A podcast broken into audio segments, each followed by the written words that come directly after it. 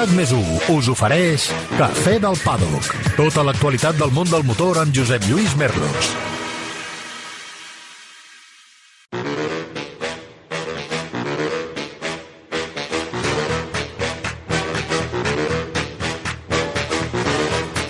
No em direu que no n'hi ha per llogar-hi cadires, eh?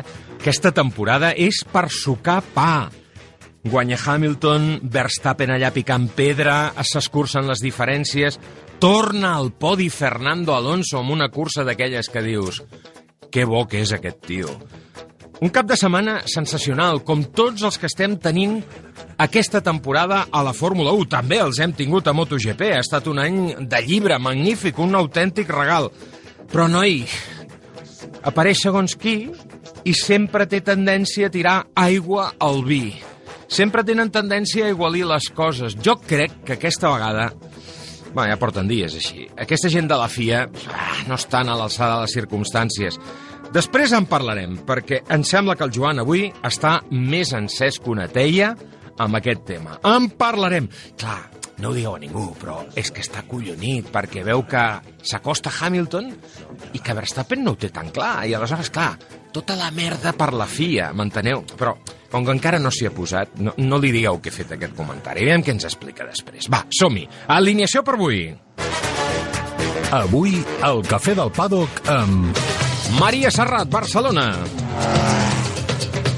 Joan Villa del Prat, plaça de la Concòrdia. Josep Lluís Santa Maria, Montmeló. Chechu Lázaro, Madrid. I com sempre, no faríem res sense ell, Carles Gil a la gestió tècnica. ¡Trata de arrancarlo! ¡Trata de arrancarlo, Carlos! ¡Trata de arrancarlo! ¡Trata de arrancarlo, por Dios! Maria Serrat, què tal? Com estàs?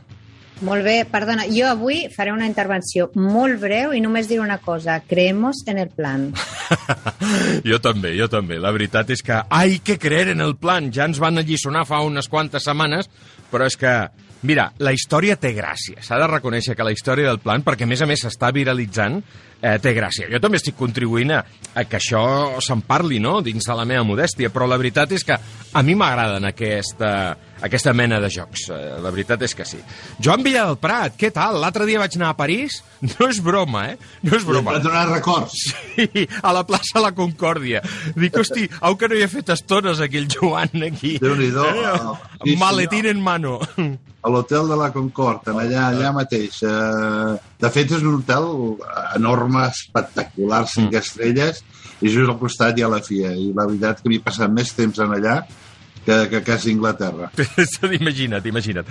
Va, parlarem de tot això perquè avui el cafè del Paddock ve carregadet.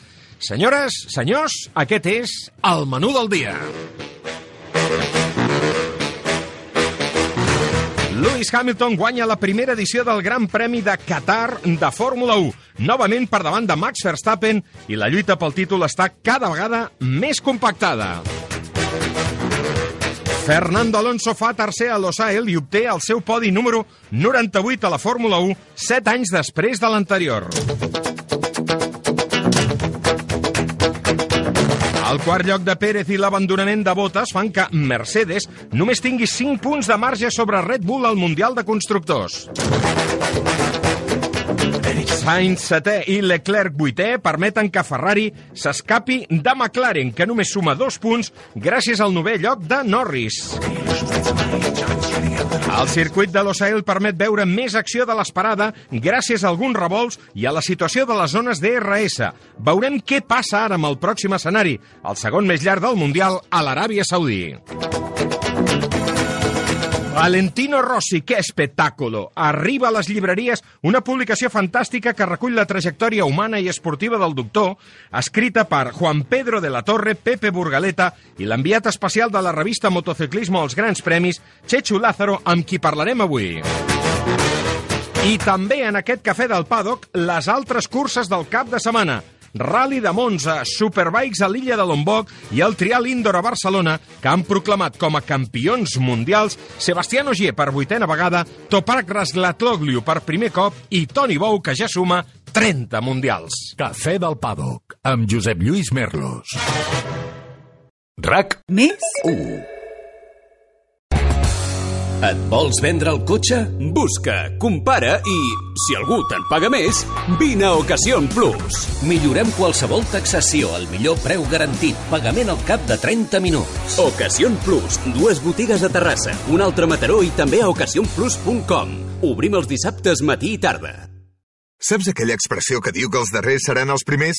Doncs no t'ho pensis més. Vine a la xarxa Ford de Catalunya i beneficia't d'unes condicions excepcionals pel Black Friday. Estrena cotxe i tanca l'any de la millor manera. Ofertes especials en la gamma sub i amb entrega immediata aquest mateix mes. El mes de novembre, Black Friday a la xarxa Ford de Catalunya. Em vull vendre el cotxe, vendre el cotxe. A Vender mi cotxe et comprem el cotxe. Però com? On i quan?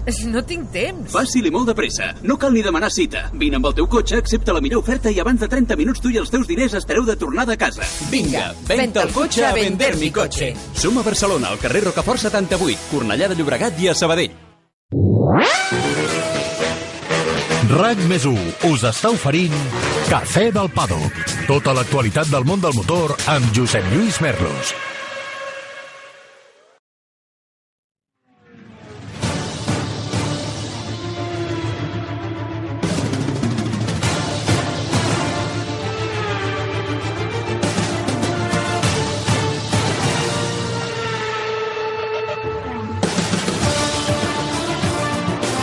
Parlem ja d'aquest primer gran premi de Qatar de la història, el circuit de Losail, el coneixíem de les curses de MotoGP, va servir, com dèiem, per aquesta primera edició del Gran Premi de Qatar. L'any vinent no el tindrem al calendari, però aquest país i aquesta instal·lació serà a la Fórmula 1 a partir del 2022 i tot sembla indicar que per un termini de temps bastant llarg. Comencem parlant d'aquesta cursa, analitzant les claus, els eh, punts principals d'aquesta avantpenúltima cursa d'un dels certàmens, s'ha de reconèixer, més emocionants dels últims temps. Parlem directament amb la Maria, a Maria l'ambient tens entre Red Bull i Mercedes a partir del Brasil, el recurs que van presentar els de Brackley, que després van refusar eh, per part de la FIA, les declaracions a la roda de premsa del dijous, a mi em va agradar molt el que va dir Toto Wolff quan diu hem passat de fer boxa olímpica a lluita lliure.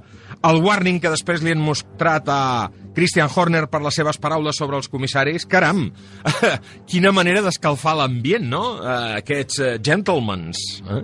Una miqueta, una miqueta potser massa, no? O sigui, una, amb un campionat tan, tan maco a la pista i amb tanta incertesa que hagin de ser els team principals que, que siguin els que donguin els titulars doncs eh, potser una mica potser una miqueta fora de lloc, no cal, no cal seguir pujant el to, ja està prou pujat com perquè també hi contribueixin els team principals. I, i una, un Christian Horner que a mi m'està sorprenent una mica, no? Està una mica massa pujat de to, una persona que teòricament és molt, eh, o sempre s'ha mostrat molt ponderada amb els seus comentaris, amb tota la seva experiència en Fórmula 1 i que, i que eh, pixi fora de test, si em permeteu l'expressió, amb eh, que si hi ha un bala perduda de Marshall que els hi dona dues banderes grogues amb ells i a ningú més i tot això, home, ja ro, ro, està al límit del, del deliri, em sembla. I, uh, crec, que, crec que potser hauríem d'aquesta setmaneta prendre-se-la una, una mica de descans, de respirar, eh, que ens queden dues curses molt intenses per davant. Fer una mica d'om no els aniria malament, no? Joan, tu què penses? Uh, la Maria diu que està sorpresa pel Horner. Vols dir o aquest és l'autèntic Christian Horner? Uh, són tots dos que semblaven senyors, són dos quinquis uh, barribajeros del sud de Londres, ja, ja t'ho puc dir. El que va dir el Honor a la roda de premsa, dient no tinc per què fer petons al cul al, al, al, A ningú, sí, sí. Al, al Toto no, al al Toto, Toto. Toto, exacte. No tinc per què fer-li petons al cul. Com fan Si- altres caps d'equip, va dir. Si, si altres volen fer-ho, que ho Ah, facin, exacte. però jo no tinc per què fer-ho. Vull dir, és que són d'aquelles eh, coses que ni en els millors temps del Briatore aquestes coses sortien, no? Vull dir que, que, que vale, la, la Fórmula 1 està arribant a un nivell eh, de, de, de, de, De quillo. tant, tant de quillo que, que, que a mi la veritat és que em fot esta pena, eh? Ja. Eh, dit això, dit això, eh, sí és veritat que és un campionat tan preciós que no sé per què la FIA té que, té que estar constantment fent errades. Vull dir, no, no estic disculpant en absolut la penalització dels 5 punts que li van posar en el Max Verstappen. Però és que al final els que s'equivoquen són ells. O sigui, els Marshalls van haver un panel en verd, eh, eh, havien tret uns traient banderes, altres no, altres Sí, dues. una mica Vull dir, arriba un punt, en el, en el seu dashboard no va sortir cap llum, eh, no va sortir res. Tenen dues senyals dintre el cotxe, una que es veu en el display, diguéssim, i l'altra que és auditiva. Cap de les dues li van donar en el Max. Vull dir, home, eh, per favor, si cometeu una errada, doncs, escolta'm, deixeu córrer i, i demaneu disculpes, intenteu solucionar els problemes cara a un futur, perquè això no torni a passar. Ara, que d'aquí comencin a treure el Botes tres posicions, a tu cinc, en l'altre... El Sainz. Nino, però ja tu- El El, Sainz el Cup. Sainz Cup. Dius, home, uh, per favor, això sembla un, una casa de barrets, no? I arriba, arriba, arriba un punt que, que, que salta, sobretot quan estàs en un campionat tan, tan intens i, i amb tantes complicacions, no? Vull dir, eh, aviam, torno a repetir, eh, tot això és innecessari, però és que no, ja, la cosa ve de llarga, no? Tu, o sigui, al, al Verstappen li foten 50.000 dòlars per tocar el cotxe. Al Vettel tot l'any tocant cotxes no li fas res. Mm. El, el, el, el Hamilton es desconnecta els cinturons i surten les mans mig cotxe a la volta de reconeixement. Que això està penalitzat també I tant. doncs no el van penalitzar. Uh Uh -huh. O sigui, 50.000 al- en el, per mirar el cotxe i tocar l'aleró i en l'altre que es treu el cinturó no li fan absolutament res. Vull dir, home, eh, posem les coses una mica eh, un balanç, una perspectiva o amb una constància que fins ara no s'està veient. I Ja. això és el que a mi m'indigna eh, i ja sé que eh, pobres Marshalls, mira, la veritat... Sí, la feina no Marshalls- és fàcil, eh? Ah, ah, I, i... No, no, no, i et diré una cosa, els Marshalls eh, al final són gent que no cobren i que tot el que fotin està ben fet. Ara, hi ha uns altres cabronassos a la FIA que cobren molts calés Ja. dels equips i estan obligats a fer les coses ben fetes, Clar. perquè això és un campionat professional i això és un esport que ho mira tot el món. És I hauríem de és que ara ser potser- exemple de tots, això. Ara, ara potser has dit la paraula clau, esport professional. Potser, eh, de la mateixa manera que, doncs, eh, no sé, els àrbitres de futbol, per exemple, doncs són gent professional, eh, potser els àrbitres de la Fórmula 1 també haurien de ser sempre els mateixos, cursa darrere cursa, com passa a les motos, per exemple, i també els Marshalls, o com a mínim, el Marshall que prengués la decisió a cada lloc de control hauria de ser algú, però, escolta'm, jo estic eternament agraït aquesta legió de voluntaris que cada cap de setmana fan de controls en unes zones d'un trial, amb un motocross, amb un enduro, amb un cap circuit. dubte, Clar, cap dubte, sense cap aquesta gent no existirien les curses. És que ells no fan la penalització. Ah, exacte, aquí vaig, aquí vaig. És que, és que els que Hem de decideixen distingir. són altra gent Clar. eh, que estan sentats i que miren i que pensen i que en teoria haurien d'entendre el joc, no només la regla com està escrita, sinó també el per què està escrita i de quina manera està escrita, no?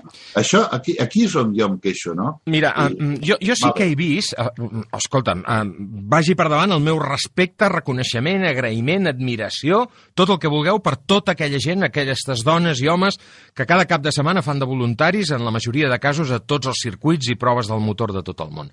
Però sí que és veritat, i, i no ho voldria relacionar amb lo de les banderes, perquè, com bé ha explicat el Joan, uh, no són ells qui posen les penalitzacions, sinó els comissaris esportius.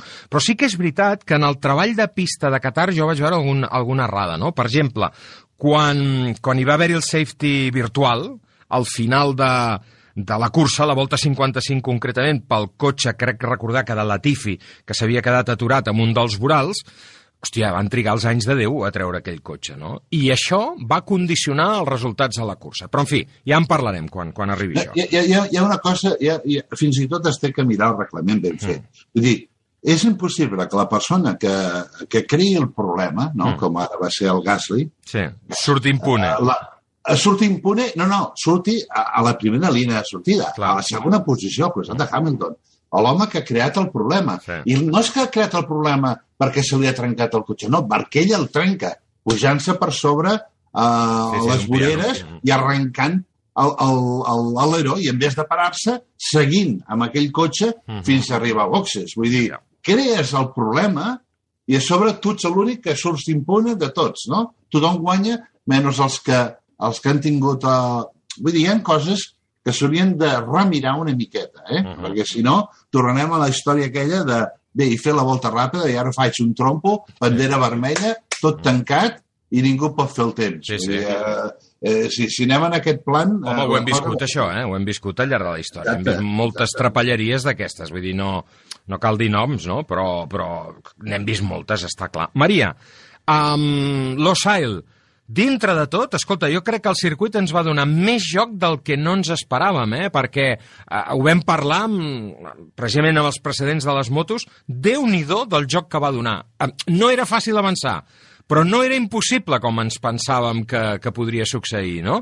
I Sí, es sí. podia avançar. I, a més a més, el, jo crec que les zones DRS estaven ben posades, molt ben posades. L'únic que està... Sí, al final crec que ens ha, ens ha sorprès a tots, tant a nosaltres com als equips, eh, positivament en aquest sentit, no? De, de que sí que permetia més avançaments dels que esperaven, la degradació potser no era tan gran el dia de la cursa com la que ells esperaven, els, uh, els kerbs, que pues, amb, amb aquests kerbs alts, eh? també una miqueta més agressius, també jugaven una part Mm. important no? de, de, a la cursa a l'hora d'estratègies, de- d'anar amb, d'anar amb compte, perquè si no, bueno, ja ho vam veure a la final de la cursa, entre la degradació, els kerbs, van veure quatre punxades, a Clar. veure, tampoc és... A mi m'està bé, això, ser, eh? Que va ser prou Ah, sí, interessant. Que Jo crec que va donar més joc del, del que això ho crec. Va donar més joc del que esperàvem, va ser més interessant per televisió també del que, del que Mhm. em pensava. Pensava que seria potser una mica mm, no tan... Més rotllo. Sí, sí, sí, sí, sí. I l'estratègia, doncs, el mateix, no? De Sí. un, uh, un pit stop, dos pit stops, què serà, què no serà? Vull dir que va ser... Em va sorprendre positivament, no, no m'ho esperava, no m'ho Sí. esperava. Joan, jo crec que estic d'acord amb tu, eh? Això dels pianos està bé, perquè si de vegades ens queixem que les escapatòries estiguin asfaltades i diem, si hi hagués graveta no farien segons què, doncs mira, el piano Exacte. també compta, no? Exacte, exacte. Sí, I eh, tots van haver de eh, jugar amb eh, això, eh? Mhm, clar. Sí, ah, ah, cuidado, els de, hi ha pianos com els d'Àustria o altres llocs Mm. que, no, el d'Àustria no, eh, que, que pots volar. Ja, si, si, ja. si és massa alt i pots volar, Singapur. eh, Singapur, ja te'n no és tan recordes? bo.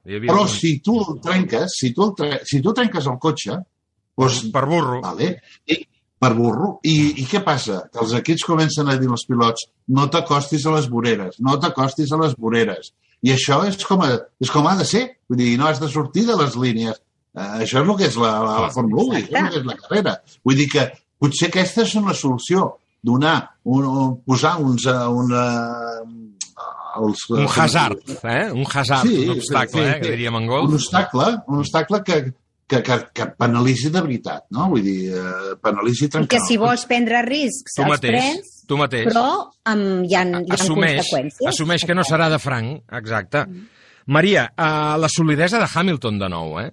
Mm, sí, dues curses que, que ha estat absolutament intractable i també fa una mica de por que amb aquest gran premi no va fer servir el motor Aquí fresc vaig. de Brasil. Per mi que això és la clau de la Aràbia cursa. Saudí. Exacte. Exacte. No el va necessitar. O sigui que dues curses en que tant Hamilton ha estat intractable com ho ha estat el Mercedes.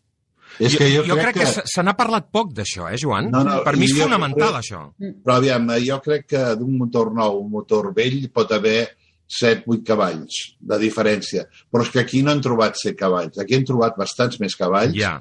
i, el, i els han trobat en tots els motors. Bueno, és el que parlàvem cosa- la setmana passada, que ara sí que estan disposats a exprémer una miqueta més aquests motors amb, lo que, amb els cavalls reals, no amb, amb, el, amb la cura que ho han Han anat fent, sobretot- sempre en la mala butxaca. Amb aquests motors han anat sempre a la mala butxaca. Han tingut sempre unes decimetes per no apretar els motors, per, anar, per ser... Allò, un eh, as a la màniga, no?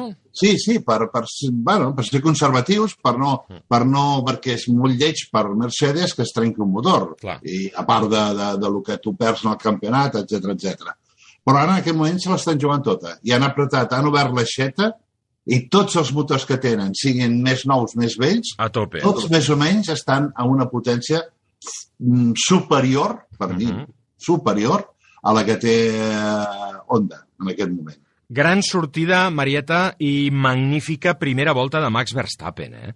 Sí, sí, Eh, com, jo- es, fica, jo- com es clar. fica per l'interior quan Carai. Sainz i Mm. Norris estan, estan esbatussant-se. Sí. Quina, quina visió, quina finesa també a l'hora de la sortida i quina manera de dir, bueno, mm, ets, és el moment. En aquest és el moment clau de que és l'única opció que tinc d'intentar agafar Hamilton. Després, evidentment, el ritme era molt superior que a mi em va, em va sobtar bastant que Red Bull estigués tant per darrere. I tant. No, no, a mi no em sobta, a mi no em sobta. Des No? de Mèxic, des de Mèxic classificació, el que van fer, ja no em sobta res.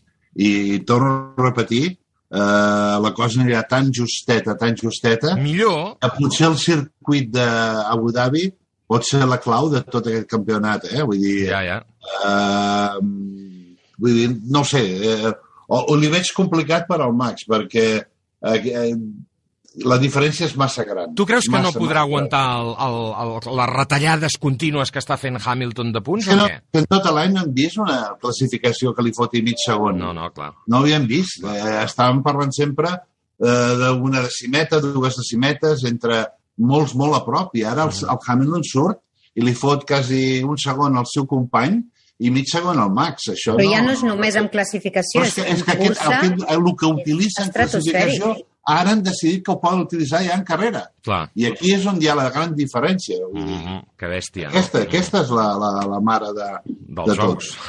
Sí. La contundència d'Alonso eh? i la seva gestió dels pneumàtics. Eh, va ser una cursa per fruir-la, eh? perquè dius, hòstia, que bo que és aquest tio, perquè va fer una, una actuació sensacional, no? Uh, li van donar el Driver of the Day, merescudíssim, jo crec, merescudíssim, però és que hi ha hagut gent que ho ha confós pel Driver of the Century, perquè, clar, uh, per mi el podi és extraordinari. Veure a Hamilton, set títols mundials, veure Alonso, dos, veure Verstappen allà, que en tindrà algun, més d'hora que tard, però n'acabarà tenint algun. Fabulós. Però, home, d'aquí a dir que aquest és el millor podi dels últims 20 anys, eh, no sé, eh, però no sé si us en recordeu d'un tal Michael Schumacher, per, per dir un nom, per exemple, no? Vull No, escolta, però ja, ja, ja no jo, és una jo qüestió estic de- encantat amb aquest podi d'Alonso i, i, amb, Ja- i amb la ja no és configuració del podi. Però, home, dir que és el millor podi dels últims 20 anys, no. Jo, Bueno, ja, ja, ja no és una qüestió de comparar amb ningú. Mm. Jo, jo crec que és un grandíssim podi per una cosa, per, per, per potser aquella gent o, o que poguessi tindre un dubte de que Fernando no estiguessi, estiguessi rovellat, per Ja. dir-ho d'alguna manera, Uh -huh. la, el que et demostra és que el Fernando de rovellat no té res. No, No, no, dir ja m'agradaria ni arribar als està- 40 anys com està- ell. Està tan més fi o tan ràpid o tan eh, eh, agressiu i en tanta experiència, està com eh, millor que mai, està com eh, És- fruita És eh, la combinació perfecta. De tot, és de el tot, talent, de tot, de és tot. la maduresa, la tranquil·litat, l'experiència, amb un tot. circuit desconegut, entre cometes, per tots. Sí, Ell també ha demostrat Sempre ho ha fet Alonso, Maria. com Quan com arriba en un circuit com nou- llegeix. Ho feia, ho feia, això. El, Sí. sí. el, que és important és ho feia i ara ho torna a fer. Les sortides les feia, després va deixar un temps que no les feia tant, i ara les torna a fer. Va fer una sortida impecable. Sí. A més, passant, eh, Ensenyant les dents a tothom, eh? a, passant eh, per fora i quasi, quasi anant a, a buscar Hamilton. Uh -huh. I després una, una cursa en cap. Tindre l'habilitat d'aguantar el primer set de pneumàtics a, a, a, amb tantes voltes o més voltes que ningú, que això li va permetre fer una estratègia totalment diferent. Uh Mhm. -huh. La veritat és que o sigui, hem de pensar que Gasly portava el pneumàtic eh, tou i ell va sortir amb el pneumàtic mig, com, a, com els campions, eh? I sense I- temperatura. eh, vull dir, important això, vull dir que en, en aquest sentit, bueno, xapó, jo crec que va fer una cursa de campió, però ben guanyada perquè hi eren tots. Aquesta és la clau. Exacte, en condicions està- normals, no va ser una carambola Clar, de que perquè clar. els altres no acaben, no, no, ho va, és o absolutament merescut. circumstàncies especials que plou. També és veritat que el molt- Virtual Safety Car del Aquí final li dona, li dona una mica aquell alè no? Bueno, per poder cuidado. mantenir fins al Potser final, Pérez- però, però potser absolutament Pérez merescut. Pérez després s'hi ha acostat, però passar Fernando... Després- Però no ha de ser fàcil, això, no, no. Eh? Sí, sí. I en les voltes que quedaven jo crec que no el haguessin passat. Jo crec que en aquí uh, uh, van pecar a Red Bull una mica de conservadors i jo crec que van perdre la tercera posició quan van cridar... Mira, això, això t'ho volia preguntar després. És el que jo crec que aquí es van Sí. equivocar. I això t'ho volia... de- Després parlarem d'això de les estratègies, perquè he fet uns càlculs eh, que us volia comentar, no? Que, que, que, que hi ha coses que m'han sorprès molt positivament, no? Uh, per acabar, les claus del Gran Premi. Sainz novament per davant de Leclerc. Eh, Ferrari, doncs, que estava barallant-se amb la gent de McLaren. La veritat és que McLaren, després del doblet, no n'ha aixecat cap, eh? Vull dir, porten dues curses seguides una mica xunguetes, eh? Però... En particular Norris. En particular Norris, sí, sí, sí. Jo crec que Norris s'hauria de centrar una miqueta, eh? A mi em cau molt bé, em sembla un noi molt fresc, però, però hosti, sempre la cunyeta, la rialleta i tal, poder que ens centréssim una mica, eh? Vull dir, no, no aniria malament. Sigui com sigui, a Ferrari, Sainz novament per davant de Leclerc. Què en penseu?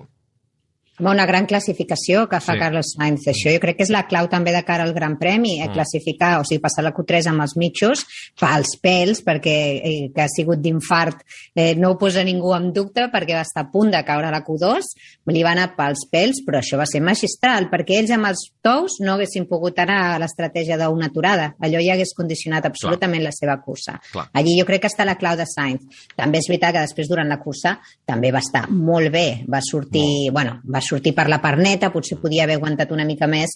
Sí, la sortida sobretot no va ser la millor. Va- va perdre L'esbatussada amb Norris Ah, exacte. és el que li fa perdre, sí, clar, però perquè s'emparellen amb Norris i allí és on ell perd la posició de Verstappen, d'Ocon i de Norris. Al final és, eh, li- li acaba sortint bastant malament però tot i així la cursa bastant bé, crec, i, i que fins i tot diu que podria haver tirat molt més amb el segon stint, Sí, però això també a l'hora de conservar que també pneumàtics. Jo crec que també... eh, Van ser massa punt, conservadors, no? Massa conservadors. Vull dir, és veritat que és molt fàcil eh, dir Clar. eh, que t'esperaves que el pneumàtic duressi tant, no?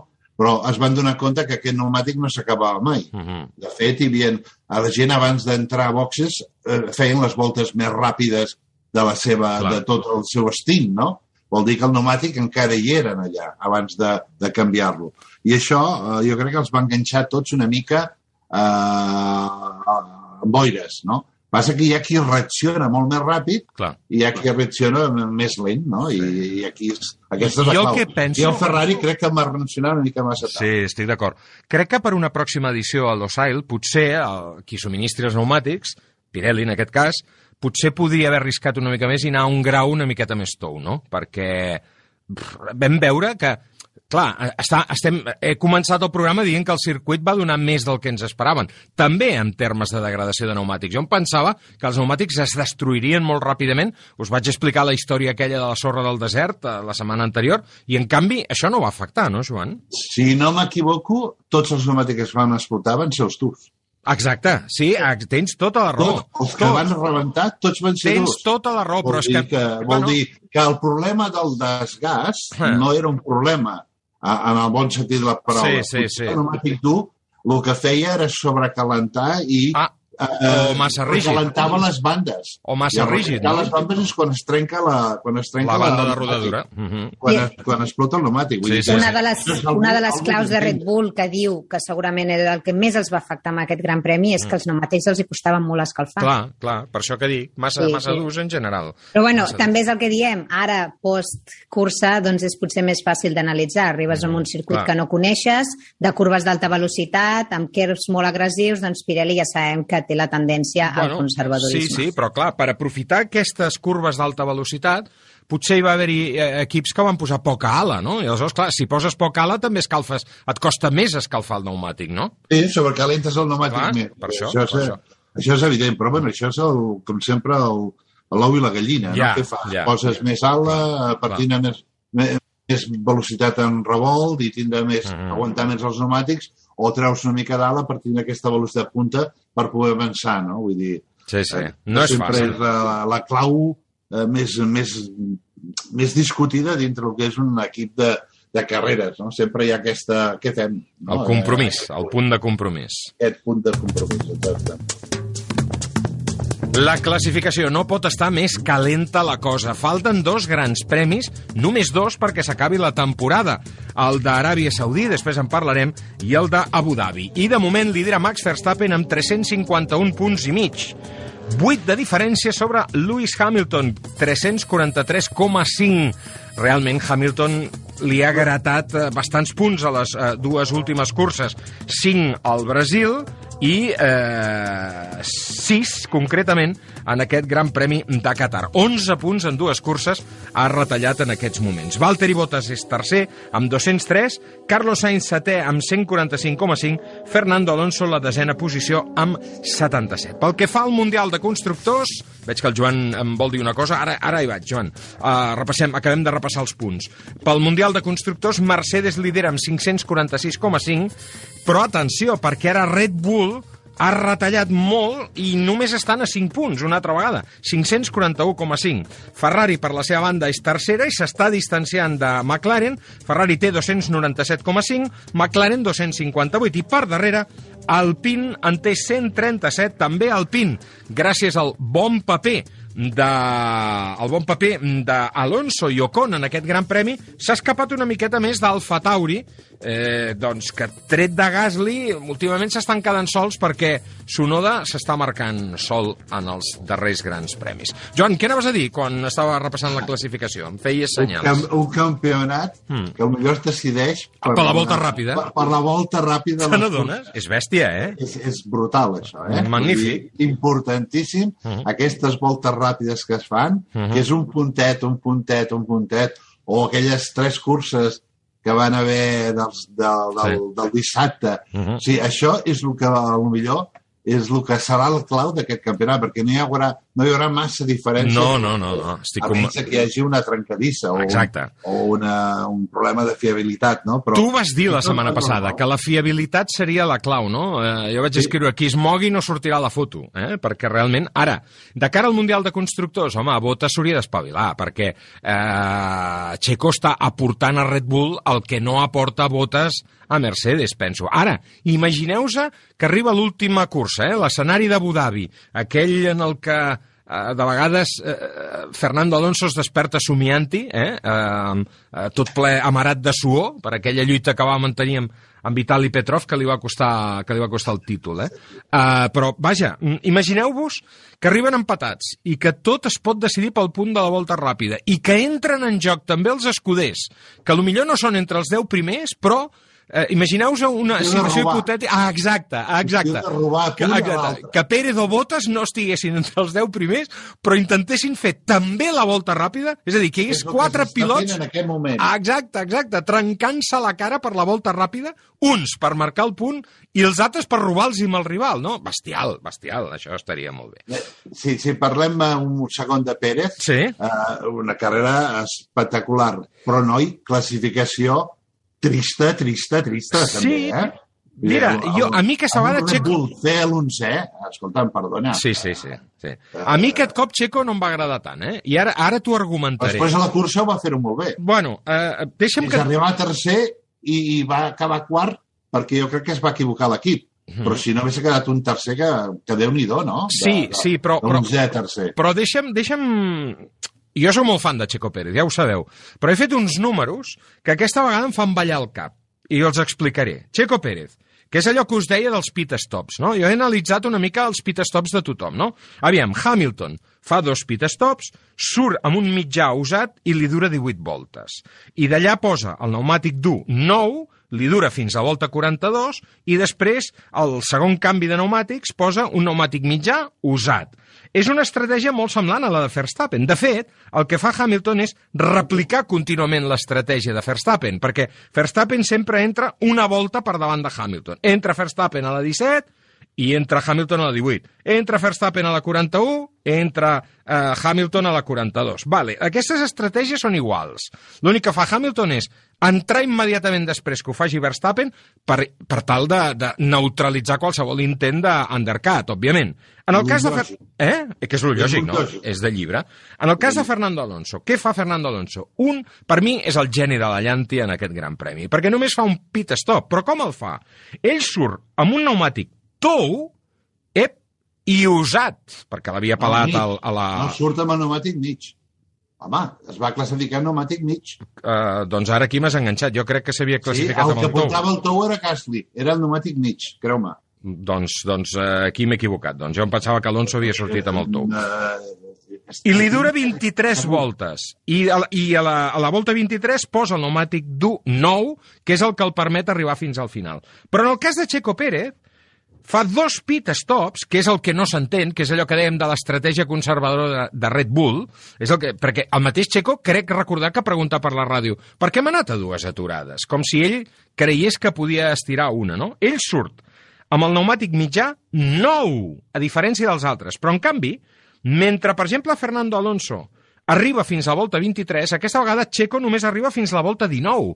Cosa estranya, això és el que em sorprèn, perquè Checo normalment és capaç d'estirar molt la vida dels pneumàtics. I potser aquí hi ha la clau. Estic d'acord amb el que dieu, no?, que, que Red Bull va ser molt conservador a l'aplicar una estratègia de dues aturades, coneixent a Checo Pérez, però que el fagin entrar a la 19, és a dir, quatre voltes després que Fernando Alonso, jo crec que aquí està la clau i que no tot és imputable al conservadorisme de, de Red Bull pel que fa És- referència a Checo Pérez, no? Hi ha una cosa molt important, Joan Lluís. Mm. Una és que Fernando va amb, amb aire net, diguéssim, està Ja, davant és veritat. i ningú l'emprenya. Sí. I l'altre té que començar a avançar, Sí, sí, sí, anar sí. darrere dels cotxes Bona, bona, i, va, molt bona. i va destrossant el pneumàtic Mm. cada vegada que vol avançar amb algú. Vull dir, Sí. la, la, la, el, el, el, la manera de pensar és Mhm. una mica diferent perquè Mm. tens... Eh, no, pot, no, no pots comparar una cosa amb l'altra, Ja. no, per dir-ho d'alguna manera. Vale, tampoc, també tens raó amb això. Sainz, per la seva banda, fa un sol pit stop, és a dir, una estratègia com la d'Alonso, i arriba a fer, amb un mitjà usat, amb un mitjà usat, com Hamilton i Verstappen, 27 voltes, eh? Cuidado, eh? Uh, Carlos Sainz estira moltíssim la vida d'aquest pneumàtic a costa d'anar més lent del que ell voldria, evidentment, que per això ell diu potser haguessin pogut apretar una miqueta més al començament i quan es desperten ja és massa tard, perquè després a la volta 27 posa un pneumàtic dur, però al principi d'aquest dur, que anava molt bé, el pneumàtic dur, no el deixen córrer tant com ell potser voldria. No? Jo crec que Sainz tenia ritme per haver quedat una mica més endavant d'aquesta setena posició. No ho sé, eh, però m'ho sembla. Estic d'acord, estic Sí, no? d'acord, jo, jo estic d'acord amb tu, Mhm. amb això que has dit de Sainz. Tota la raó. Alguns detalls, escolteu, Maria, em va encantar, ja ho havíem vist amb altres pilots en altres escenaris, no? Em va encantar el cas de Lewis Hamilton a Qatar, a on la homosexualitat està castigada amb penes de presó i no sé si alguna animalada més. Em va encantar que Hamilton portés el casc de Sant Martí. Toma, amb l'arc de Sant Martí. Eh? A veure si alguna, si d'alguna cosa també s'ha caracteritzat Hamilton és de tenir una veu i d'oferir una veu Clar. Per aquells que potser no la tenen amb una plataforma com és la de Fórmula 1 Mhm. per tot el món. I ja quan vam anar, o quan el Gran Premi va anar a Bahrein, ell també va estar parlant amb els comissaris sobre tots els, eh, sobre qüestions de drets humans també del país. O sigui, si, és, si d'alguna cosa també es caracteritza, a part d'aquest estil tan eclèctic Ja. a l'hora de vestir, és per, és per donar veu a molts, de, a molts dels que no en tenen en principi, Mm. o donar-los un micròfon, una plataforma, un altaveu, digue-li com vulguis, no? I de posar-se aquest art, aquest art de Sant Martí amb el casc, amb una cursa de nit, eh, era, bueno, em va semblar un detall, un detall fantàstic, fantàstic. Que sàpigues Sobretot, que com estic- tu dius, que està, que està castigat, que Sí, el sí. matrimoni homosexual és il·legal i, i on millor, que, on millor fer-ho en allà, a veure, a veure a Saudi Aràbia, a veure si ja també... Hi ha una foto a la sortida, Joan, En teoria diu, diuen que també ho farà a Saudi Aràbia. Eh? Ah, millor, millor, està bé. Eh, hauria de fer això i anunciar una marca de pernil, també. Um, escolta, uh, Joan, vas veure la foto de Stefano Domenicali amb uh, Infantini i amb, i amb Jan Tot? És fantàstica aquella foto, no? Un amb la Copa del Món de futbol, l'altre amb la Copa de, del Gran Premi, no sé què era allò. Quins personatges, eh? Sí, bueno, és la, la, la, ca- la camorra italiana. La crem de la crem. La crem de la crem. A- a- Amb un marsellès, però bueno. Aquella foto és que em va arribar al cor. Em va arribar al cor. Eh, la sortida. Per mi la sortida va ser... Eh, la sortida sol val tot el Gran Premi. Hamilton s'escapa. De quina manera? Tot i portar un pneumàtic mitjà. Això ho hem de tenir en compte, no? D'acord, surt des del cantonet, però aquell pneumàtic no té la millor temperatura. I a més a més... Hi havia una diferència grossa, eh? Eh que Sortia sí? el net i el brut, Sí, sí, en aquest perquè, circuit sí. òbviament, eh, eh, el problema que tenim en aquest circuit Mm. és una mica la sorra. Clar. I, eh, I sempre hi ha aquesta pulseta Mhm. que això fa que eh, a la zona on no passis, Mm. per molt que la netegis, que no la pots netejar, eh, sempre tindràs menys tracció que la zona Mhm. que estàs passant eh, 20 cotxes, no? Clar. I eh, jo crec que aquí la diferència sí que es notava en quant a la sortida, perquè normalment Gasly, que portava el pneumàtic eh, tou, tenia que haver fet una sortida Clar. molt més, eh, Agressiva, no? Agressiva. O, o més rendible, podríem dir. més rendible del que va fer. I, i, i tant Hamilton com, eh, com eh, Fernando, que tots dos portaven el mateix Mhm. pneumàtic, Mhm. eh, van, van, van desaparèixer. Ja. I Alonso superant a Gasly. Hosti, vam veure l'Alonso aquell que diu, eh, eh, que no m'estic d'hòsties. Eh, va ser boníssima la sortida d'Alonso, eh? Perquè de la manera que el mateix Verstappen que fa una sortida brutal, també recordem que del setè passa a la quarta posició en menys d'una volta, no oblidem això, però tot i així, Verstappen arriba a Alonso i diu, eh, pst, no fem el burro que la, la palla va cara, eh? Eh, el mateix Verstappen amb tot un Red Bull, quan veu aquell Alonso desencadenat, dius, tu, eh, tranquil que és Fernando Alonso, eh? Eh, La, la guerra de Pérez-Alonso També. eh, va ser molt maca. Que- que- I Alonso, que quin Alonso, parell, no? Quin parell, els dos. Mm. Si havia, si havia estat fora de pista no estava fora de pista. Però també va ser molt bonic allò, eh? Vull dir, el Pérez allà li va fotre els nassos ben, ben posats, eh? Mm. Sí, sí. Alonso anant cridant al con eh, defiende la posició com un león, no? Volguem dir... Aquí es va equivocar amb això. Fes, eh, fes allò que vaig fer jo amb Hamilton per tu Mhm. i, òbviament, el Ocon no és el, no és el Fernando Alonso. No. No podia parar ni, ni, ni, Està ni clar. de, vamos, ni Però aquí es va equivocar Fernando Alonso. Els lleons no defenen, els lleons ataquen. Aquesta és la, aquesta és la diferència, no? És la diferència. Um, en el... l'equip que, que, que l'ajudessin, no? Sí, sí. Això és eh, Sí, tot Jo, eh? si em permeteu fer un Sí, apunt també de, endavant. de la sortida, Gasly és important també apuntar que Gasly després de la trencadissa del dissabte, Mm. eh, la, els canvis eh, sembla que no van fa- acabar de funcionar amb el cotxe perquè Gasly no va tenir ritme, o Ja. sigui, va tenir ritme zero, Zero. al llarg de tota la cursa, no Mhm. només la sortida, sinó que va fer una cursa bastant dolenta a, lo que ens té, a lo que ens té acostumats. Sí, sí. També ponderar que Sainz, a part de Hamilton, que sortia des de la pole al mig, tots els altres sortien amb tous per davant seu i ell era el primer que sortia amb mitjos a darrere. Uh -huh. I que també temperatura no acabava de ser la ideal. Norris anava amb els tous, que és amb el que s'esbatussa. Ocon anava amb els tous, que és el que Sí, també sí. l'avança. I Verstappen va amb un missil. Vull dir que al final la sortida de Sainz de la línia va ser bona, després mm, no té la temperatura per, per barallar-se amb tot el que li ve per darrere. Eh, I com dieu, Alonso pues, també va amb el tou, va, va amb un pneumàtic amb més sortida, amb més, de, amb més des, de, des del principi i també surt per la banda neta, amb la qual pues, la sortida d'Alonso eh, va ser... Pues, el que va valdre també el No, pont. no. El, el, el, Sí, sí, Driver of the Day. Vull dir, no, no, boníssima. Analitzem una mica les punxades, no? La primera de totes és la de Botes, que acaba sortint més enllà dels límits de, de la pista. Bueno, eh, la veritat és que l'accident de Botes, clar, podem dir, és pel tema del, del pneumàtic. Passa a la volta 51. Passa a la volta 51. Mm, Quatre o cinc voltes abans que la punxada de Russell, que portava 31 voltes amb el seu pneumàtic, i eh, una volta abans de la, la de Russell d'abans de la de Latifi, no? que fa sortir aquest cotxe de, de seguretat virtual, el Virtual Safety Car, que hem dit que podia haver... I la de Norris manera. una volta abans. I la de Norris una volta abans, aquesta me l'havia deixat. Um, què? Creieu que era per, per un tema de pianos? 30. Ta tanta gent diferent? O, Eh, no, un no, tema no, de no. pressions? O un tema d'estructura de pneumàtic? Constància. Si tu mires una constància entre la volta 30-35, Sí. per dir-ho, o 34, Mm. entre aquest marge de quatre, de quatre voltes, tots cauen a la roda de davant de l'esquerra. Sí. Això vol dir que és una roda que sobrecalenta, sobretot les... Sí. Jo crec que no, no tant la part de dalt, sinó el que són les... Els flancs. Les, la, les, Els laterals. de, Mm, els els laterals de la roda Mm. i eh, aquí és on eh, es sobrecalenten i es, eh, es veu que queda la capa de dalt i els laterals trencats. Vull dir que en aquest sentit jo crec que és el, el mateix problema, tots, i un problema de d'esforç a la roda. Uh -huh. No tant de desgast, d'esforç. D'estructura, no? També? D'estructura, del pneumàtic, no? Exacte. Maria, la lluita per la volta ràpida al final, eh, divertidíssima, entre Hamilton i Verstappen aquesta vegada, no? Ostres, ah, va ser fascinant això, no?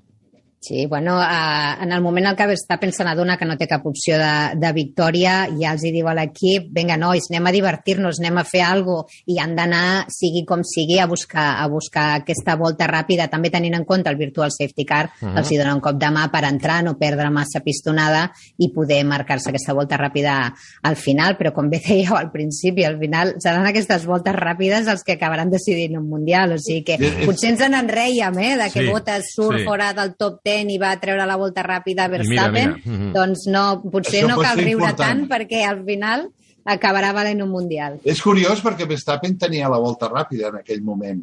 Per I si entra de cas. I, I entra dintre, posa el tous, pneumàtic tou sí, sí. I torna Ah, a fotre- exacte. No fa la Ah, volta exacte. ràpida, destrueix No, no.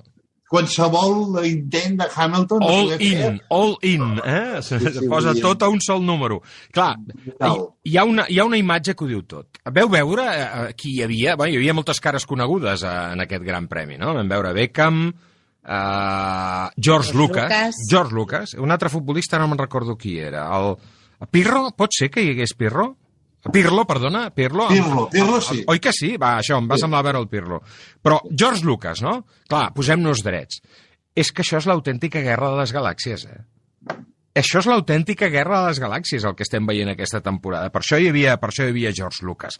I la guerra de les galàxies, anem-la a posar en valor, amb xifres. Hamilton, 102 poles amb la de dissabte i 102 victòries amb la de diumenge. 8 punts de max quan en queden 52 en joc. Maria, tu què creus? Aguantarà Verstappen aquesta avalanxa, aquesta pressió? Ostres, Jo et dic, abans, de, abans del Gran Premi de Brasil tenia clar que Max guanyava el campionat. Mhm. El Gran Premi de Brasil em va matxacar i aquest, aquest ja crec que em, ja em treu qualsevol esperança de, de que Max pugui guanyar el Mundial amb igualtat de condicions, Mhm. sempre i quan no entri el que comentàvem de la fiabilitat Ja. de, dels motors. No, ni la fiabilitat dues- ni la fia Ni la FIA, sí, exacte, perquè també ens... eh, FIA- aquesta cursa... La fiabilitat. No, no crec que hagués canviat massa el resultat final, però eh, Hamilton i Verstappen sortien primer i segon, sense penalització. A veure què hagués passat a la primera, al primer, al primer revolt. Exacte. Ah, jo, a veure, per, per uh, ritme, Hamilton tenia molt més ritme que Verstappen, ja. sens dubte, però què hagués passat si haguessin sortit junts, no? Doncs entrem un altre cop amb, amb la FIA, adulcorant o canviant una mica, no? Aigualint. La, Aigualint. sí, l'artificialitat, no? Ja. Si, si la cosa va com va, Eh. eh, i a, a Saudi tornem a tindre primer i segon, a Mm. Hamilton primer, Verstappen eh, segon, i les voltes ràpides influeixen, Mm. pot ser que arribem a l'última cursa Amb un on desfibrilador. sortir, on tots dos poden sortir a la, a la, A la primera línia? a la primera línia, eh, independentment que sigui una o l'altra, però amb, amb Verstappen amb algun punt d'avantatge sobre Hamilton. Ja. Vale? Uh, això em recorda uh, Adelaida uh, Michael Hill. Sí, sí, sí, Michael. dir, O Jerez. Si un, es po si un es posa davant, Mhm. a l'altre l'únic que té que fer és tancar la porta i si se'n van a la merda tots dos... Mala suerte, que- que mala suerte. Que mala Que suerte. mala suerte, no? Ah. Vull dir... Sí, però que- compte, perquè hi ha el Mundial de Constructors en joc. Cuidado. Sí, però això, ells no pensen. Bueno, Ja, per això bueno, està bueno. Pérez. Ah, Això- ah, està Pérez. Això és per... a- Exacte. Això són per los sonderos. Sí, que, sí. no, que no tant votes. Jo no les tinc No, totes clar, però és que fixa't, eh. Del paper que pugui fer votes. Verstappen i Checo han retallat 6 punts a Mercedes en aquesta cursa. Semblava l'anterior que ja estava tal, que se'n anaven de 11 i tal, i ara només estan a 5, eh? Ara només estan a Recordem 5. que van estar un, eh? Exacte. Sí, sí, sí. Bueno, bueno, Ah, tot... és que...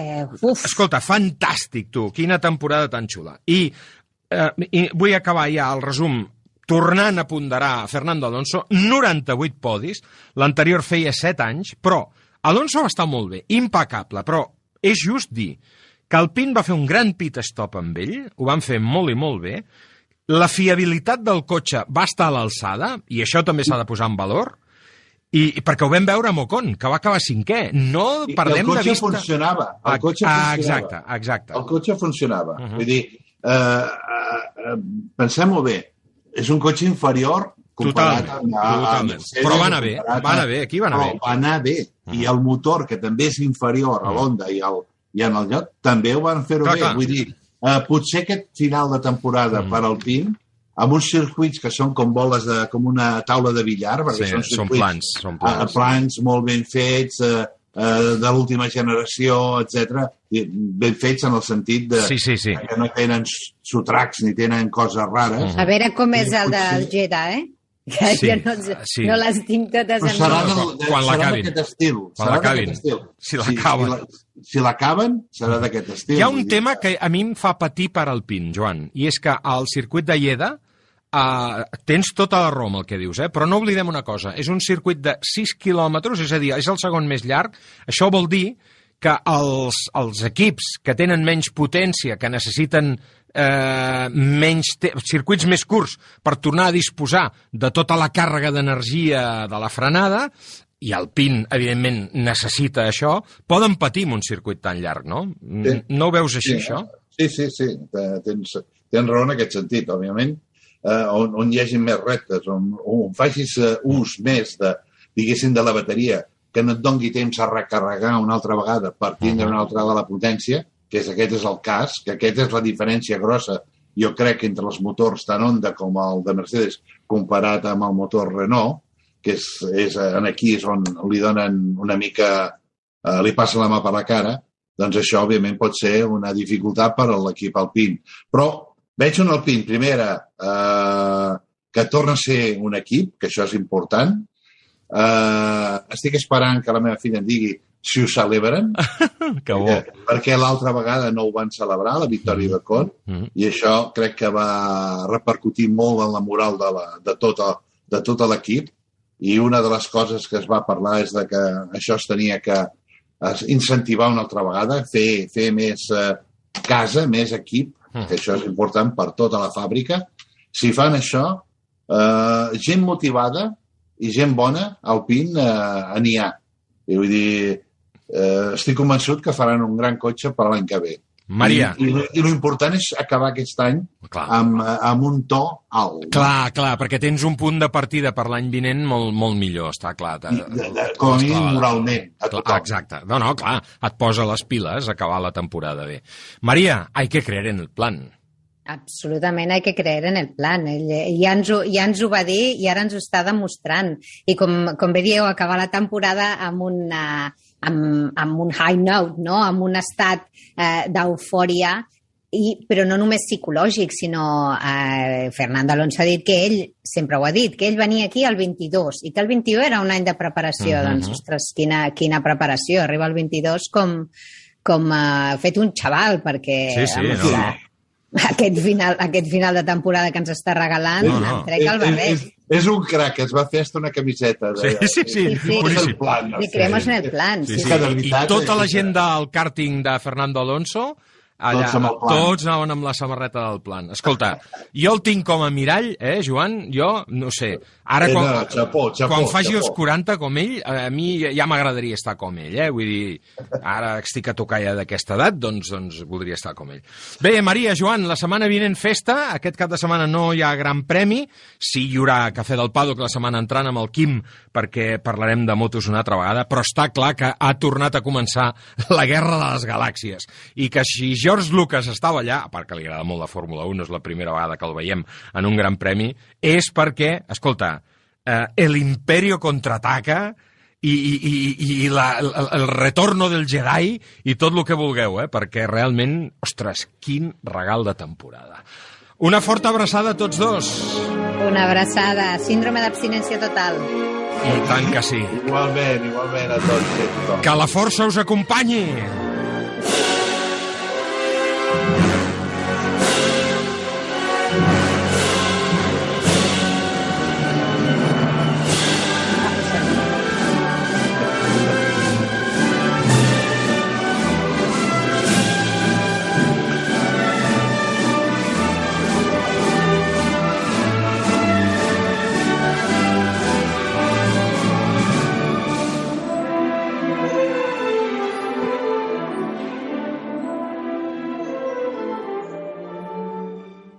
RAC Més? 1. Em vull vendre el cotxe, vendre el cotxe. A vender mi cotxe et comprem el cotxe. Però com? On i quan? Si no tinc temps. Fàcil i molt de pressa. No cal ni demanar cita. Vine amb el teu cotxe, accepta la millor oferta i abans de 30 minuts tu i els teus diners estareu de tornada a casa. Vinga, venta el cotxe a vender mi cotxe. Som a Barcelona, al carrer Rocafort 78, Cornellà de Llobregat i a Sabadell. Saps aquella expressió que diu que els darrers seran els primers? Doncs no t'ho pensis més. Vine a la xarxa Ford de Catalunya i beneficia't d'unes condicions excepcionals pel Black Friday. Estrena cotxe i tanca l'any de la millor manera. Ofertes especials en la gamma sub i amb entrega immediata aquest mateix mes. El mes de novembre, Black Friday a la xarxa Ford de Catalunya. Et vols vendre el cotxe? Busca, compara i, si algú te'n paga més, vine a Ocasión Plus. Millorem qualsevol taxació al millor preu garantit, pagament al cap de 30 minuts. Ocasión Plus, dues botigues a Terrassa, un altre a Mataró i també a ocasionplus.com. Obrim els dissabtes matí i tarda.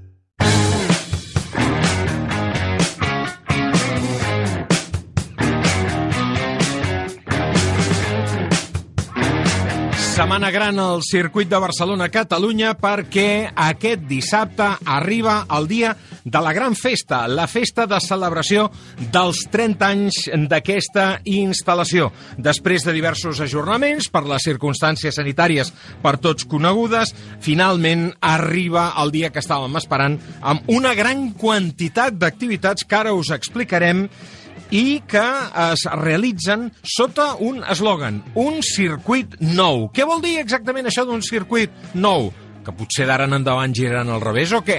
Ens ho explica tot seguit en Josep Lluís Santamaria. Ell és el director general, com sabeu, del circuit de Barcelona-Catalunya. Un circuit nou, què vol dir això?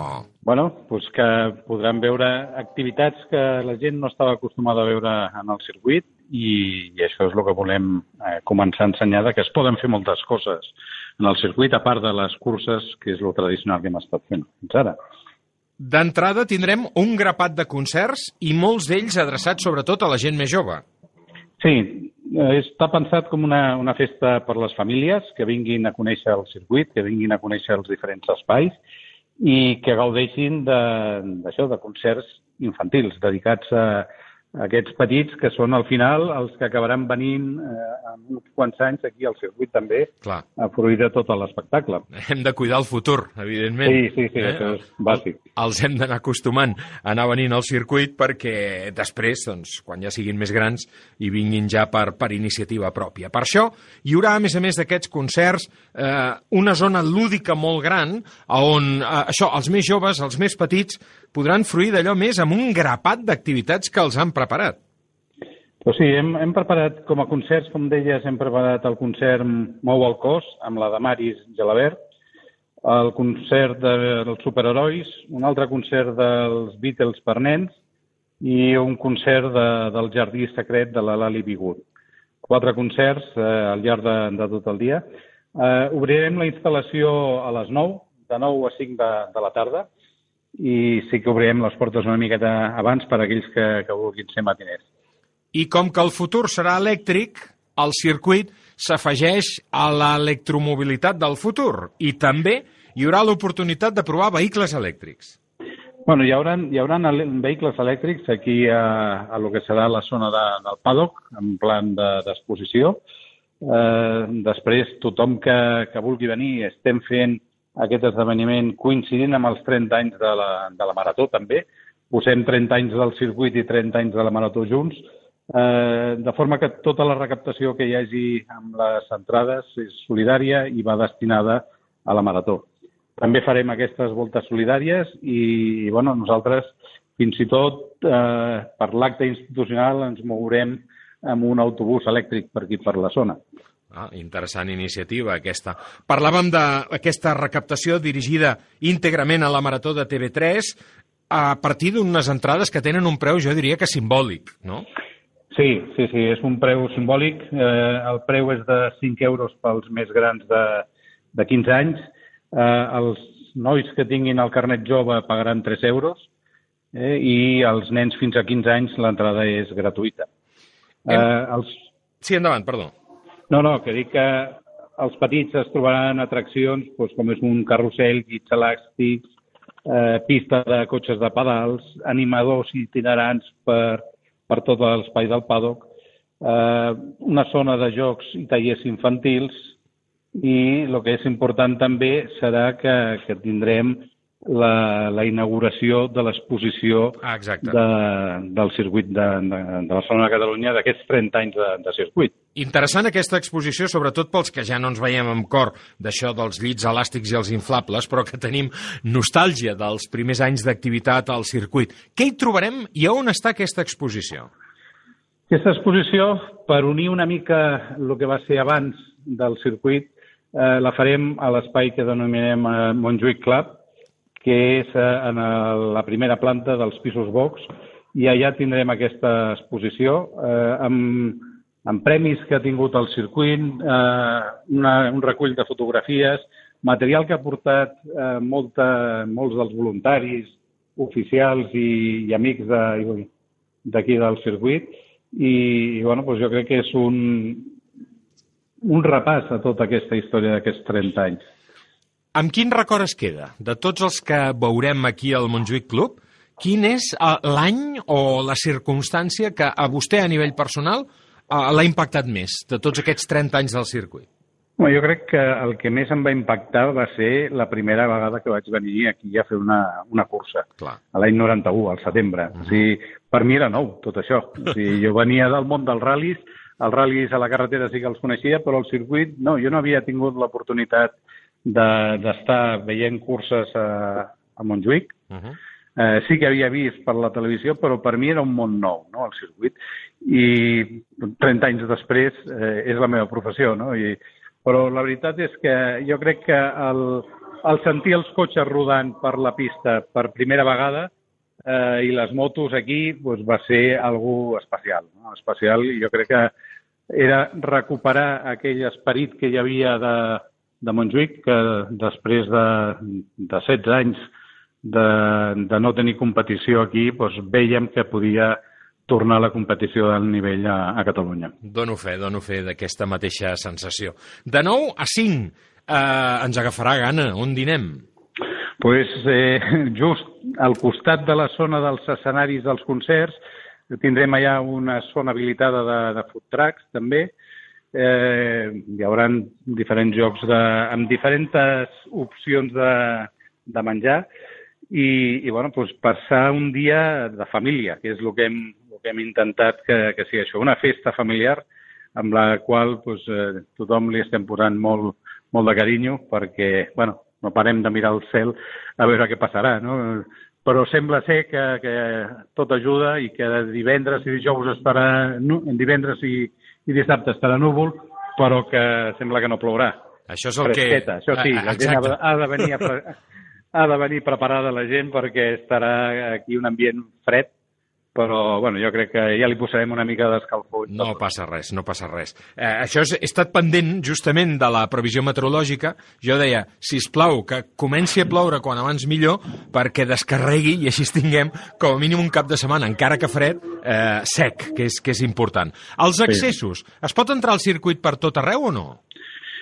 A veure, hem habilitat la zona de, de l'accés principal i, i allà entrarà tothom eh, caminant Vale? Ja hem habilitat i estarà tot senyalitzat, els pàrquings exteriors seran els que es faran servir i el que no volíem és eh, que se'ns barregés cotxes amb, amb les famílies. No? Llavors hem donat prioritat a les famílies. Eh, quan més aviat arribin, més a prop de la porta podran aparcar i tot el, tot el trànsit serà peatonal per aquí. A més a més, tindrem proves d'e-esports, globus aerostàtic, trobades de grups de gegants, una concentració de bicicletes, exposició de vehicles compromesos amb el medi ambient i l'oportunitat de visitar els diferents llocs del circuit de Barcelona-Catalunya, espais com ara la sala de briefing, el prepodi, el podi, la sala de premsa, direcció de cursa, espais que eh, normalment el públic no pot visitar quan hi ha competició, però aquest dissabte, que serà el gran dia de la gran festa dels 30 anys del circuit de Catalunya, estaran accessibles. Com aconseguir les entrades, senyor Santa Maria? Pues a través de, de la web de, del circuit, allà poden entrar, ficar les seves dades, i, i fer tot el, el tràmit de, de, per obtenir l'entrada. Recordar que tot i que hi ha eh, un, una franja que no han de pagar, sí que els hem d'habilitar i han de tenir la seva entrada, tot i que sigui de cost zero, però l'han de tenir físicament perquè és l'única forma que podem controlar aquí a l'aforament que, que tenim. Està clar. Senyor Santa Maria, moltíssimes gràcies. Creuem els dits. Caldrà portar ous a les clarisses, com fèiem abans quan venien els primers sí, sí. grans premis al circuit, que no ens plogui aquest dissabte, segur que no ens plourà, eh, i ens veiem a Montmeló, com no podia ser d'una altra manera, per celebrar aquest aniversari que tanta il·lusió ens fa. Pues moltes gràcies i des d'aquí el missatge de que tothom que vulgui que vingui, que jo crec que passarem un gran dia. RAC més 1 Et vols vendre el cotxe? Busca, compara i, si algú te'n paga més, vine a Ocasión Plus. Millorem qualsevol taxació al millor preu garantit, pagament al cap de 30 minuts. Ocasión Plus, dues botigues a Terrassa, un altre a Mataró i també a ocasionplus.com. Obrim els dissabtes matí i tarda. Saps aquella expressió que diu que els darrers seran els primers? Doncs no t'ho pensis més. Vine a la xarxa Ford de Catalunya i beneficia't d'unes condicions excepcionals pel Black Friday. Estrena cotxe i tanca l'any de la millor manera. Ofertes especials en la gamma sub i amb entrega immediata aquest mateix mes. El mes de novembre, Black Friday a la xarxa Ford de Catalunya.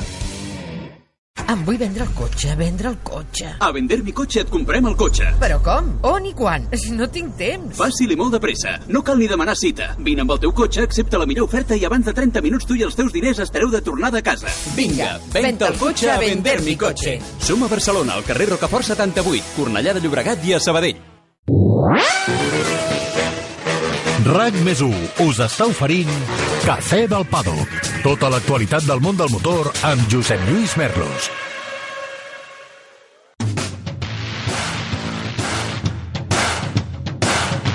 La setmana passada al Cafè del Paddock vam parlar moltíssim de la retirada de Valentino Rossi, com no podia ser d'una altra manera. Com sabeu, el pilot italià de 42 anys, després de 26 temporades al Mundial de Motociclisme, 22 a la categoria reina a MotoGP, una fita que mai ningú abans havia assolit, va decidir penjar el casc. La prova de València va ser la darrera de la seva trajectòria esportiva. Una trajectòria fornida per 9 títols mundials, 115 victòries, centenar de podis, innumerables moments plens d'emoció i de passió. Com sabeu, aquesta setmana és la del Black Friday i és molt probable que alguns de vosaltres esteu pensant en els regals de Nadal. Doncs mira, jo ho tinc molt clar i tinc un suggeriment per fer-vos justament pensant en els regals de Nadal. I es tracta mm, del llibre Valentino Rossi, que espectàculo! Un llibre que he tingut l'oportunitat de llegir en els últims dies i que m'ha agradat moltíssim. Eh, sabia que m'agradaria, per la dimensió del seu protagonista, Valentino Rossi, però també per la dimensió dels seus autors. Tres periodistes, als quals respecto i admiro moltíssim, Pepe Burgaleta, el gran amic Juan Pedro La Torre i també Chechu Lázaro. Aquest últim és l'enviat especial de Motociclismo, la revista de Gana, dedicada al món de les dues rodes a Espanya, als grans premis des de fa ja unes quantes temporades. I ell ens acompanya tot seguit en aquest cafè del paddock d'avui per parlar justament d'aquest llibre absolutament recomanable. Chechu, ¿qué tal? ¿Cómo estás, amigo? Saludos. ¿Qué tal? Muy buenas. Oye, qué gran regalo para Navidad, aprovechando el Black Friday, es el momento de comprarlo. Yo, bueno, me alegro mucho que lo hayas recomendado, la verdad es que te, te doy las gracias también a ti, porque yo creo que es verdad que para cualquier aficionado no hace falta ser rosista para tener este Claro. libro y te digo, te digo más, creo que no hace falta tampoco ser aficionado al motociclismo para disfrutar de, de sobre todo de, de un personaje que yo siempre lo he dicho, yo creo que trasciende Sí. o ha trascendido, ha sido capaz de trascender de las fronteras del, de este deporte del motociclismo y todos le, yo creo que le consideramos o le considera o, o- o se le considera como un deportista que está pues eh, en ese top de, de cuando se dice con qué con qué o sea qué deportistas pueden estar en, en la misma mesa cenando que los Pelé, Muhammad Ali, Michael Jordan yo creo que Valentino Claro, Rossi sin duda es uno de ellos. Y por eso yo creo que es un libro que igual que se dice que Valentino Rossi es un periódico un poco intergeneracional, que es de varias generaciones, yo creo que este libro también eh, eh, eh, puede ir destinado a no solo a aficionados del motociclismo o de Valentino Rossi, sino de cualquier deporte Claro. y yo diría que de la vida en general. Del deporte en general, por supuesto que sí. Es lo que dice mi querido amigo el animal de Mela Chércoles, que es eh, un animal periodístico fuera de lo común, al que quiero un montón, y que cuando él dice, es que Valentino Rossi es patrimonio de la humanidad, es que tiene razón, tiene razón Mela. Que no puede estar mejor definido. Claro. Yo también lo tengo clarísimo. Es eh, lo que dice es, es, es, es- esa definición es sello, como dices, de, de nuestro buen amigo Mera Chércoles.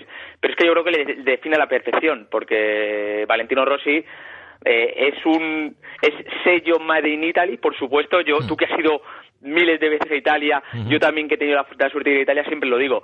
Eh, tú vas a cualquier tienda de souvenirs en Italia y aparte de los típicos, eh, la típica torre de Pisa, el Coliseo Romano, hay cosas Ferrari de Ferrari también como marca Italia, siempre hay un 46 que se vende, se venden productos de Valentino Rossi, o sea, es, es, es, Made in Italia, un producto Made in Italia Valentino Rossi, pero es que Valentino Rossi eh, no hay más que ver las gradas de cualquier circuito en cualquier mundo, es que están teñidas de amarilla, incluso aquí en España, fíjate que tenemos afición, que tenemos pilotos, que hay tradición al motociclismo, pero en cualquier circuito de Jerez, en Barcelona, en Valencia, eh, hay más banderas amarillas y más gorras amarillas que de cualquier otro piloto español. Claro, claro. Eh, como dice Kim Salvador, es que Valentino cada domingo corre en casa.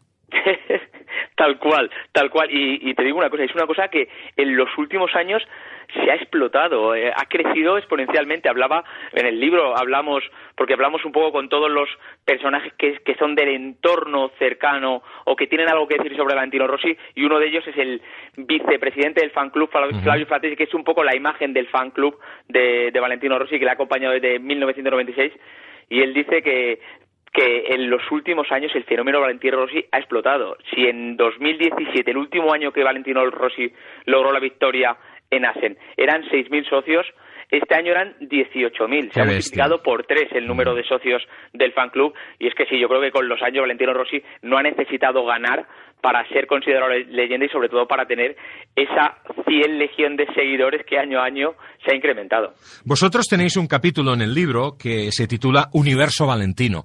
Y hablabas ahora del fan club y me acuerdo la última vez que estuve en Tabulla viendo precisamente eh, la sede de toda la estructura que hay alrededor de Valentino y dices, joder, es que esto parece una multinacional, es que lo es, es que parecía la sede de la IBM cuando veías la sede del Valentino Fan Club ahí en Tabulla lo que ha creído Valentino, lo que ha creado Valentino Rossi sobre todo alrededor de, de pues Valtabulla al final no deja de ser un pueblo muy pequeñito. Eh, ahora me decían que tenía en torno lo que es el núcleo urbano, en torno no llega a 5.000 habitantes. No, no creo, sí, sí. Y, y, ha creado un auténtico imperio en Tabulia. Tú entras en Tabulia y a la entrada, a, a, un kilómetro de la entrada del pueblo, que es donde está un poco la zona industrial, se levanta una fábrica inmensa, amarilla y negra, que ya mm. la identificas perfectamente, que es la sede de la VR46 y desde ahí es, es, una auténtica multinacional que ya no solo se dedica al merchandising de, de Valentino Rossi, que es lo principal, por supuesto, todo el merchandising, tiene merchandising de muchos más pilotos, también de la academia, pero también de otros pilotos mundialistas de MotoGP, y claro, eh, pues ya te digo, es, es la otra figura de Valentino Rossi, está el Valentino Rossi deportista, piloto, el Valentino Rossi, pues también icono, pero también hay un Valentino Rossi que en su día fue emprendedor o empresario que sin duda eh, ha tenido, no te diría el mismo éxito porque es muy difícil, pero ha tenido un éxito tremendo Valentino Rossi en los negocios. Una de las más de 400 fotografías que hay en las 260 páginas de vuestro libro recoge aquella imagen del homenaje que le tributó Ángel Nieto a Valentino Rossi cuando le igualó en el número de victorias y con aquel cartel que decía la moto te ama. Es verdad, la moto le ama, especialmente en Italia, tú lo has dicho, pero en todo el mundo. En Italia ya no digamos. En el caso de Tabulla, yo me acuerdo cuando Valentino corría con Aprilia, uno de sus patrocinadores era Alice. Y creo recordar que Alice, eh, Alicia, era una, una, o es una compañía de telecomunicaciones. Una de las exigencias de Valentino y de su entorno eh, fue que eh, estoy hablando de hace unos años, hoy nos puede parecer una tontería, pero en aquel momento era algo muy trascendente, que todo el pueblo de Tabulla, y no sé si en Urbino también, eh, tuvieran Internet gratis, que todo el mundo tuviera acceso a un punto de conexión gratis, ¿no? Eh, con lo cual, ¿cómo no quieres que le amen cuando alguien es capaz de tener esos detalles? En Nápoles, por ejemplo, que está súper lejos de, de Tabulla, está en la punta de la bota de Italia, eh, eh, la influencia de Valentino es espectacular, porque Valentino tiene muchos negocios en Nápoles, especialmente negocios hoteleros y de restauración, que dan vida, que dan eh, negocio a muchísimas familias. Y por eso allí le adoran. Y yo, eh, que he estado bastantes veces en Nápoles, he visto como San Gennaro es el patrón. Ya sabéis que cuando se licúan las lágrimas de San Gennaro en la iglesia, en la, en la catedral de Nápoles, se dice que, que el Nápoles gana el Scudetto. Esto ha pasado alguna vez. El primer icono de Nápoles es Bueno, yo creo que es el segundo, porque el primero es Diego Armando Maradona, Sí. luego viene San Gennaro, pero luego está Valentino Rossi, sin ningún género de dudas. Sí, y fíjate, mira, no conocía esa anécdota que me has contado de, Mm. de ese patrocinador de, de y es que te digo una cosa, eh, he descubierto yo que, que, que pensábamos que sabemos tantas cosas de Valentino, pero es que es una figura tan amplia y Vaya. que lleva tantos años, son 26 temporadas en el Mundial de Valentino Rossi, que, que he, he descubierto muchas cosas también escribiendo, escribiendo el libro, Claro. y como dice, mira, no conocía, por ejemplo, este, este detalle, hay tantas cosas desconocidas en ese universo de Valentino Rossi. Pero es que eh, Valentino Rossi, dentro de Italia, que dices, es un auténtico ídolo de masas, pero es que, eh, por ejemplo, en toda la parte del sudeste asiático, donde MotoGP es, el depo es un deporte auténticamente, eh, es el deporte número uno, pues en países como Indonesia, en Malasia y Tailandia, eh, Valentino Rossi es una estrella del rock. O sea, es que eh, cuando pone un, eh, pone un pie en, en cualquiera de esos países, en Indonesia, por ejemplo, es que, ya te digo, de estas cosas que dices, más conocido que el Papa o alguna de esas frases que ha habido míticas, es que Valentino Rossi es así. Y yo creo que Valentino Rossi eh, ahora mismo es incluso más conocido que el deporte en sí. Yo creo que Valentino Rossi es mucho más reconocido que el Mundial de MotoGP. Por eso, eh, este día precisamente, o ese día cuando llegó el de la retirada, todos le temían tanto de qué va a pasar, qué va a ser del Mundial de MotoGP sin Valentino Rossi. También tengo que decir una cosa. Yo creo que eh, la retirada de Valentino se ha, se ha tomado un, ha, sido bas- bastante más natural de lo que pensábamos. Todos dábamos por hecho que, que esta temporada Valentino Rossi iba, iba a decir adiós, porque precisamente porque él ya había advertido que solo seguiría si, si, si podría ser competitivo. No tendría sentido seguir si no era competitivo. Y evidentemente las dos últimas temporadas de Valentino no había estado al nivel. Así que esperábamos su retirada y ahora lo que sí que le queda al campeonato una tarea pendiente bastante importante que es llenar ese inmenso hueco que deja Valentino. Yo creo, yo soy de los que afortunadamente pienso que primero está la figura, una figura inmensa para el mundial que es Mar Márquez, que sin llegar evidentemente a esos números o a esa cota de imagen que tiene Valentino Rossi, es un deportista hiper reconocido y luego que viene una, una jornada de jóvenes pilotos por detrás muy interesante que yo creo que, que eso, que, van a dar o van a poder permitir mantener al Mundial de MotoGP en un estatus que tiene actualmente en, en tema de deportes muy interesante. Sens dubte. Dios te oiga, Chechu, Dios te oiga. Ojalà que sí. Valentino Rossi, que espectacle. Ja el trobeu per més de 15 euros. Atenció, 14,95. Als quioscs, als punts de venda habituals on compreu les revistes, els llibres vosaltres, també a través d'Amazon o a la botiga online de Motorpress Ibèrica. Insisteixo, Black Friday, el moment de fer les compres de Nadal.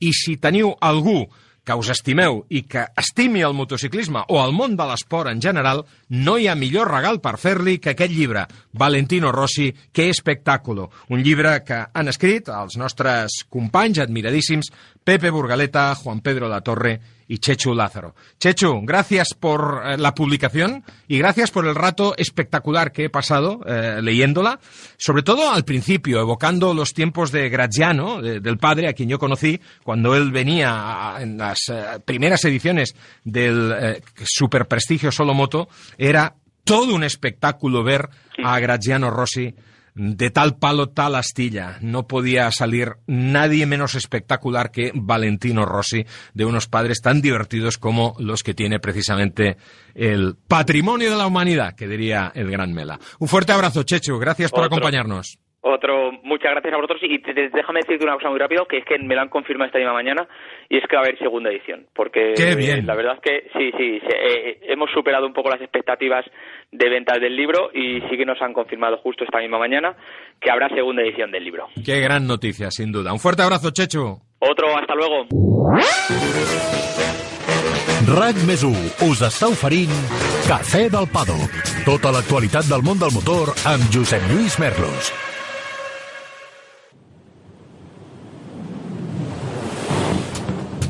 I a la recta final del Cafè del Paddock d'aquesta setmana, el temps per recordar les curses que hi ha hagut aquest cap de setmana han estat curses importants perquè han servit per proclamar campions mundials aquest 2021. Rally de Monza. Amb la victòria a la cursa italiana, Sebastián Ogier s'ha proclamat campió mundial de ral·lis per vuitena vegada en les últimes nou temporades. El Monza Carlo, com li diuen a la prova de Monza, pel temps canviant i les característiques del recorregut, va ser molt emocionant, com ho demostren els sis canvis de líder que hi va haver en els tres dies de competició.